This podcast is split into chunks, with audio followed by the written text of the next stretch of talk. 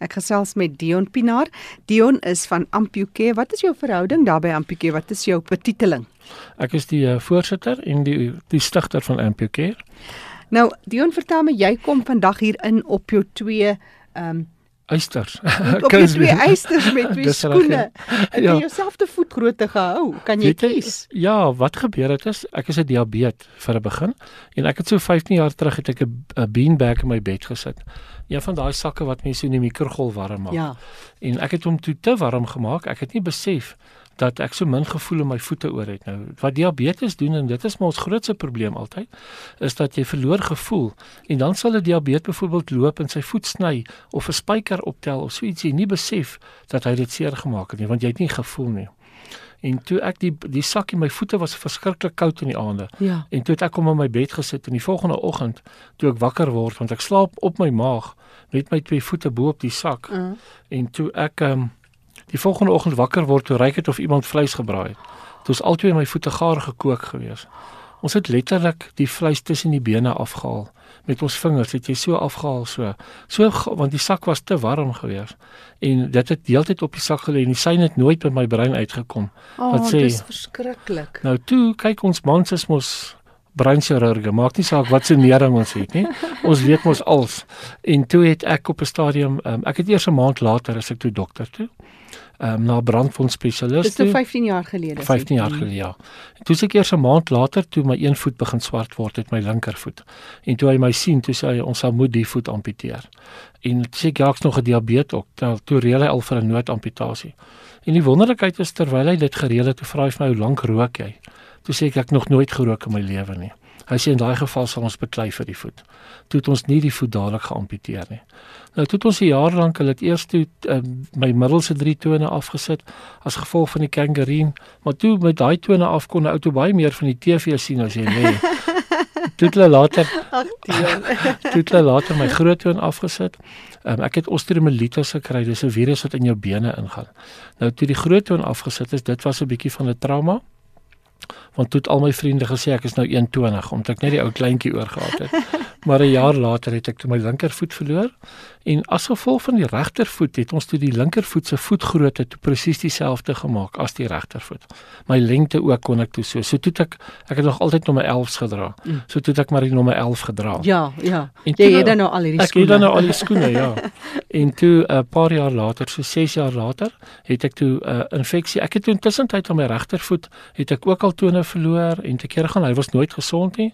En ek het in totaal het ek nou 42 operasies op my twee voete gehad, waarvan die laaste een nou die amputasie was van my regtervoet. Hoe ver is jou amputasie? Is dit is onder jou eie knie? Ek het nog my eie knie, ek's baie bevoorreg. Mm. Dat ek my eie knie het, ek het net die onderbeen amputasie. So jy loop en jy ry en jy doen alles. Jackie, my hele lewe in my lewe het baie min verander en teenoor het net voller geword.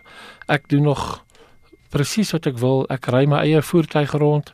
Ehm um, ek Dit is nou outomaties seker. Dit is outomaties en hy's aangepas ook. Mm -hmm. So ek ry met die my linkerhand uh, ry ek. Ek het 'n pedaaltjie wat gekoppel is aan my aan my briek en aan my petrol. As ek kom druk dan breek ek as ek trek dan gee ek mm. petrol so dan ry hy ou weer vorentoe ook. So my lewe het niks verander nie. Ehm um, al wat my lewe baie verander het is dat ek kan nooit met verkeerde voete uit die bed uit opstaan nie. Dion, hoe bly jy so positief oor dit? En is dit eintlik maar in jou gemeenskap? Jy hoe kry jy dit reg? Weet jy Jackie, daar's nie alternatief nie. Daar's geen alternatief. Ehm um, ek het geleer, veels ek vinnig my lewe te geleer dat daar twee B's is. Ek het baie B's in my lewe, maar die twee B's in my lewe gaan oor wil jy bitter raak of wil jy beter raak? En as jy gaan en jy stap in 'n kroeg en die ouens wat so stoksiel alleen sit, gaan hoor maar hulle is die bitter ouens. Mm. Ehm mm. um, vir my is daar nie alternatief nie. Vir my is dit 'n geval van die lewe gaan aan. Ehm um, ek kan kies hoe ek dit wil vorentoe maak. En ek het 'n keuse gemaak om te sê dat my lewe moet beter raak en nie bitter raak nie. Ons staan op die drempel van 'n nuwe jaar. Het jy nuwe wense of hoe gaan jy nou die ding benader die nuwe 2020? My nuwe 2020 gaan wees om nog meer mense met amputasies te kan betrek en vir hulle te kan wys dat daar regtig 'n lewe na amputasie is en dat hulle lewe hoef nie te eindig nie. Ek weet ek praat baie groot deur dit te sê en daar's baie mense wat my verskil en gaan sê ja, jy weet jy weet nie van beter of niks nie, maar ek kan byvoorbeeld um, met die berading ook wat ek doen, um, as 'n ou instap dan sal hulle dadelik vir my sê, "Oeg, hulle is so bly, hulle kan nou met my praat want ek gaan nou vir hulle sê hoe moet hulle voel." Daar's nie 'n manier dat ek vir 'n ou kan sê hoe hy moet voel nie. Ek kan slegs vir hom sê hoe ek gevoel het en hoekom ek is waar ek is vandag.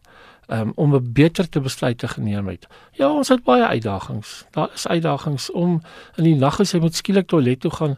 Ek weier om 'n if die ou kroos uh onder die bed te hou. Ek klim van die bed af en ek kruip gou-gou toilet toe want ek kan nie dan my bene aansit nie. Dan sit gewoonlik te laat. Dan sit ek amper betyds gewees. Dan was ek nie betyds nie. So, Dion vertel my oor ons het almal maar die een, een of ander uitdaging en jy het nou die uitdaging gehad van jou gesondheid, diabetes. Ja. Hoe bring jy dit bymekaar en hoe sorg jy dat jou leefstyl van so 'n aard is dat jy as 'n amputee en as 'n diabetes dit bymekaar trek en gelukkig bly? Was dit nie vir geloof in my lewe nie, sou ek nie staande kon gebly het nie. Ehm um, die geloof en die genade wat ek gekry het, is seker die ding wat my van dag 1 af. Ek het byvoorbeeld toe ek die eerste keer uit die teater uitgekom het, was daar 'n 'n sielkundige wat my kom sien met 'n jong dametjie. En sy het vir gesê sy wil vreeslik graag met my praat.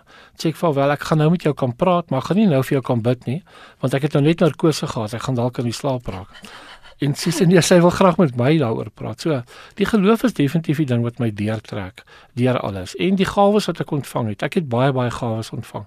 Ehm um, die Here het niks oor my pad gebring wat my bene laat verloor het sodat ek vir hom kan 'n getuie wees nie. Ehm um, ek dink hy's baie dankbaar dat die gawes wat hy my gegee het toe ek gebore is dat ek dit wel inspann en wel gebruik soos wat hy is. Ek glo nie dat ek sal eendag in die moeilikheid wees omdat ek my gawes begrawe het onder 'n maatemmer nie.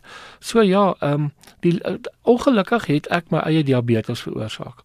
My lewenstyl het veroorsaak dat ek diabetes kry. Op hoe hoeveel jaar terug ek het op ek het op 26 as ek gediagnoseer as gevolg van my lewenstyl. Ek was die uh die PR ou, ek weet nou nie wat die Afrikaanse mm. woord is nie. Openbare skakelpersoon. Ja, mm. van vyf maatskappye gewees en my kliënte was maar die weermag en die polisie en die ouens gewees. Nou, hulle het nie gevat vir 'n 'n wegneem ontbyt vir 'n koffie en 'n muffin nie.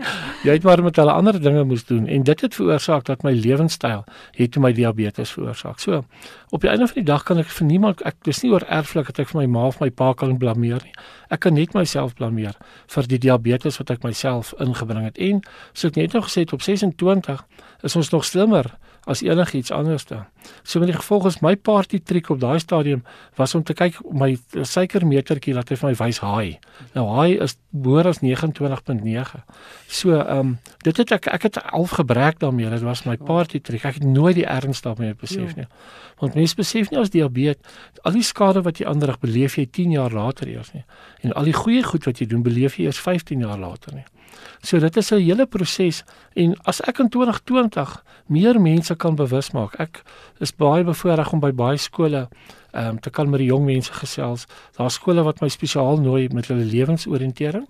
Dan moet van die jong mense moet dan take maak oor sê HIV of ehm um, TB of dan diabetes en dan kry hulle my baie keer in um, om by die skole dan te gaan praat en bietjie die ouens net die die realiteit daarvan te laat besef. Daai wekroep wat jy altyd nie ja, verkies om nie te kry nie. Ja, en dit is nogal snaaks as ek daar sit en ek haal die bene af dan besef die ouens skielik dis nie 'n ou wat maak of hy weet waarvan hy praat nie, hy weet waarvan hy praat. Hy het die fisiese bewyse daarvan. En dit laat dink my nou na Engelse uitdrukking as jy daai bene afhaal, it cut you down to size. Letterlik en ja. figuurlik gesproke, nee. Ja, definitief ja. ja. Want skielik is jy's nou jy's eintlik lank. Ja, ek is lank. En ja. skielik ja. is jy net die helfte minder. Presies ja.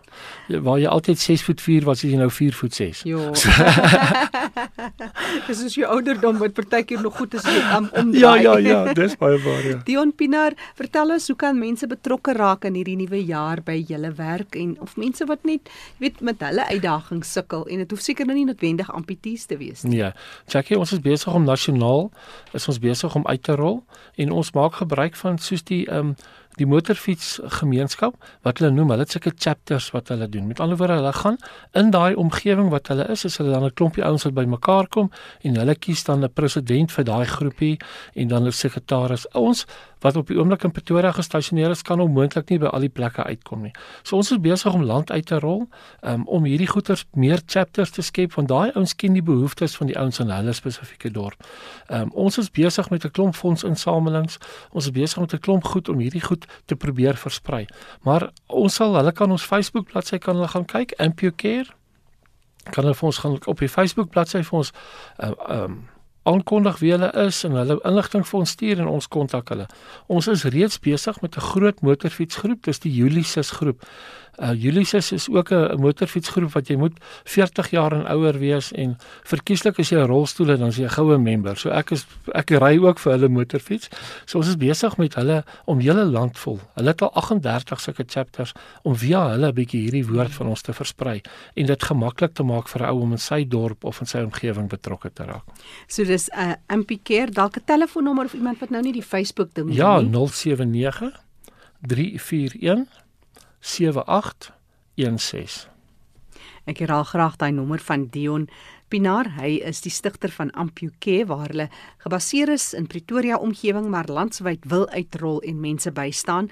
Hy sê jy kan op Facebook by AmpuCare gaan kyk of skakel hom by 079 341 7816 kan ook miskien 'n e-posadres. Dis ampucare.sa. Dis ja. A M P U. U. K ja, C A R E S A. Ja. @gmail.com. Baie welkom asseblief. Enige navrae enigiets. En so gesels 'n wonderlike vrywilliger wat sy werk doen en dan heeltemal hierdie taak van versorging van ja. mense wat leef met die uitdaging van amputasies, hulle wêreld makliker en en mooier te maak. Baie mense sien maar altyd die ou op die hoek van die straat met amputasie en dink dit is sy voorland. En hulle besef nie dat daar duisende suksesverhale is. Mense wat voluit lewe daarin saam nie. Ek gee graag weer die kontakbesonderhede van Dion Pinar, 'n amputee wat self betrokke raak by die trauma, die berading en ook die hulp aan ander wat ledemate verloor het, dalk ook net die bewusmaking wat hy wil kweek. Dion se telefoonnommer is 079 341 7816. Dis RSG waarna jy luister, die program Leefwêreld van die Gestremde. Onthou die program is beskikbaar as 'n potgooi wat beteken jy kan weer daarna gaan luister, gaan na ons webtuiste rsg.co.za en klik onder L vir Leefwêreld. Kom ons sluit aan by Fanie De Tooy. Baie dankie Jackie. Vandag het ek die voorreg om met 'n kundige te gesels op die gebied van sigverlies en mobiliteit, Sharon Gosen van Woester. Welkom by RSG Sharon. Baie dankie Fanie, is lekker om weer by julle te wees. Sharon, ek sien nou mobiliteit en uitdagings van persone met sigverlies. Kom ons hoor wat is jou werk? Vertel ons meer. Oek, jy nou ek, ek kan seker vir dae aan mekaar praat. Ek dink baie mense weet nie wat 'n oriëntasie en mobiliteitspraktisyn uh, se werk behels nie. Hulle weet nie wat dit is nie. Maar ons is maar die kort naam, ons doen eintlik net lank hierdie opleiding. Ehm um, nou wat dit alles behels, uh, as mense blind raak, dan gaan doen ons uh, hoe behoeftebepaling. En ons gaan kyk wat die persoon se behoefte is, werk 'n programmetjie uit en as ons nou by die huis kom en dan kan ons sommer onmiddellik die oriëntasie doen van die kamer na die kombuis en terug en uh, um, ons doen bewusmaking daar in die gemeenskap Ons doen ook uh, voorkoming van blindheid uh, uh, praatjies en dan praat ons oor die belangrikheid van die langkerie gebruik en uh, hoe om 'n blinde persoon te hanteer. Dis alles vir die werk behels. Natuurlik nou langkerie opleiding later. Dit is nou ons begin ook met die daaglikse vaardighede eers. Dit sluit ook die volgende in soos jy gaan nou miskien lag, dis jy oopsluit van 'n deur vir iemand wat wat nou laat blind raak, dit is moeilik om veters vas te maak. Ek het al seker gevalle gehad waar ou kom, sy ouers het nie vir hom ehm um, skoene gekoop met veters nie, hy het om veters vas te maak nie. Nou ek ek ons doen dit, knope losmaak en vasmaak, hoe om met 'n mes 'n vrek te eet, uh, hoe om vloeistof te gooi, veral met warm water, uh, om geld te identifiseer, om jou klere te identifiseer. Ehm um, as iemand nou laat blind raak dan hoe om kos voor te berei, groente te skil, hoe om te kook of te braai. So daar's 'n klomp goedjies uh, as jy nou net blind raak, wat skielik vir jou 'n probleem is. Iemand kon met 'n selfoon werk en skielik nou nou kan hy kan nie meer sien nou kan hy nie meer nie. So ja. help met dit. 'n uh, rekenaaropleiding want die ou is miskien rekenaar geletterd, nou sy blind, nou wat nou? So ons doen dit.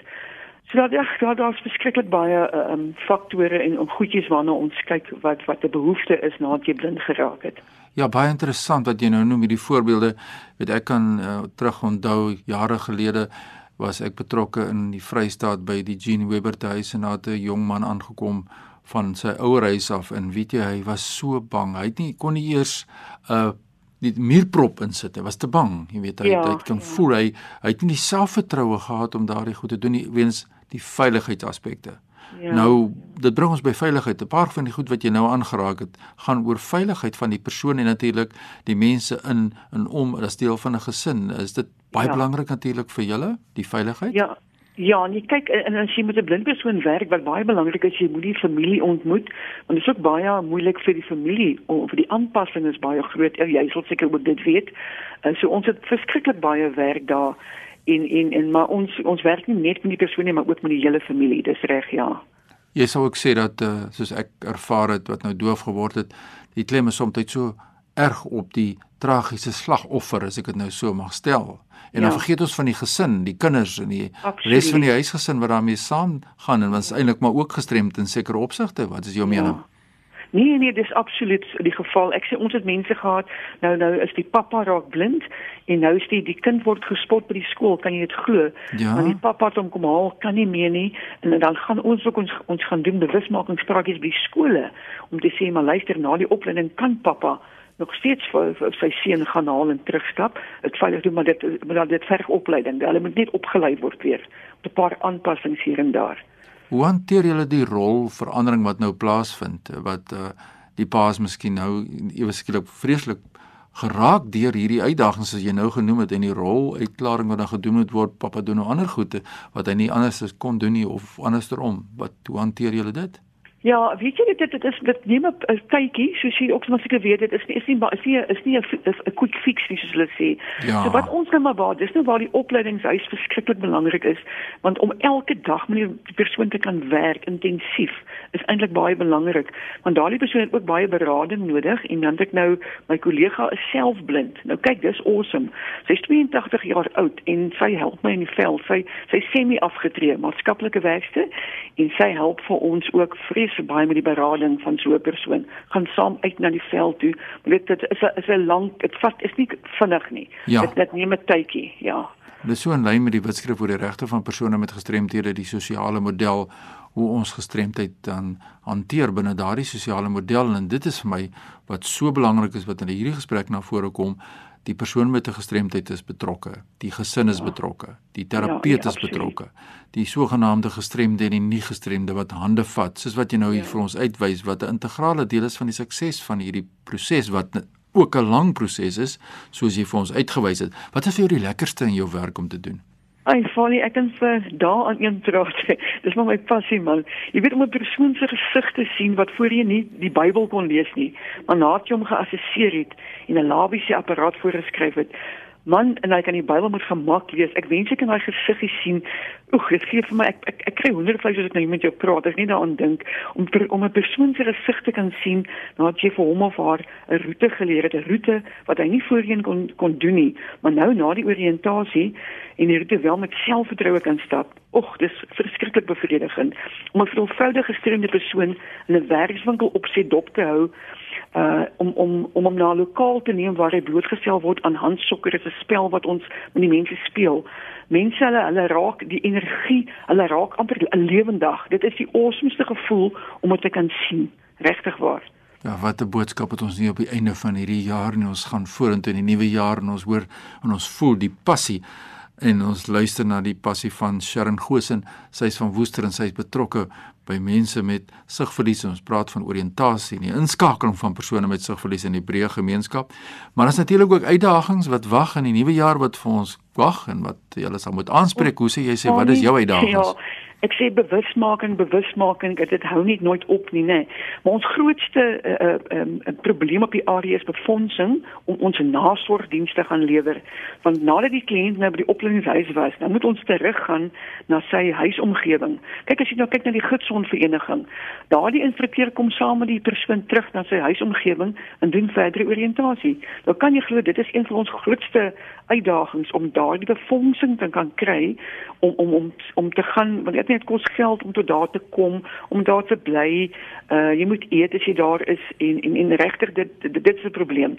Uh om met 'n veelvoudige gestremde persoon lankie opleiding te doen want daar is soveel fasette om te observeer en in in ag te neem. As jy net 'n blinde wat jy gou oplei uh, van nie gou nie maar ek weet dit vat soveel langer uh om 'n jonger persoon met lavisie uh um aan te moedig om met 'n kierie te stap vir alles die visie vinnig verswak. Uh, maar kyk as jy jonk is, wil nie dat jy gesien word. Jy kan nog 'n bietjie sien, nie so goed soos ek en jy nie, maar om hom te kan ooreed om wel lankal die opleiding te ontvang om na hospitale te gaan en instansies wat lankal in mense se hande stop en sê, "Hoor jy is nou blind, hier sit hierdie gebruik om uh, um, dit moet ook gestop word. Dit is 'n groot uitdaging om bewusmaking te gaan doen om te sê luister mense, daar is opleiding. Jy kan nie 'n kirie vir iemand gee nie. Hy moet opleiding ontvang voordat hy 'n kirie kan ontvang. Ons het vreeslik baie probleme veral in hospitale wat dit doen. Ja, toeganklikheid is natuurlik en saam met hierdie bewusmaking, want toeganklikheid is eintlik maar die menswaardigheid van 'n persoon wat regstreeks aangespreek word in hierdie hele proses.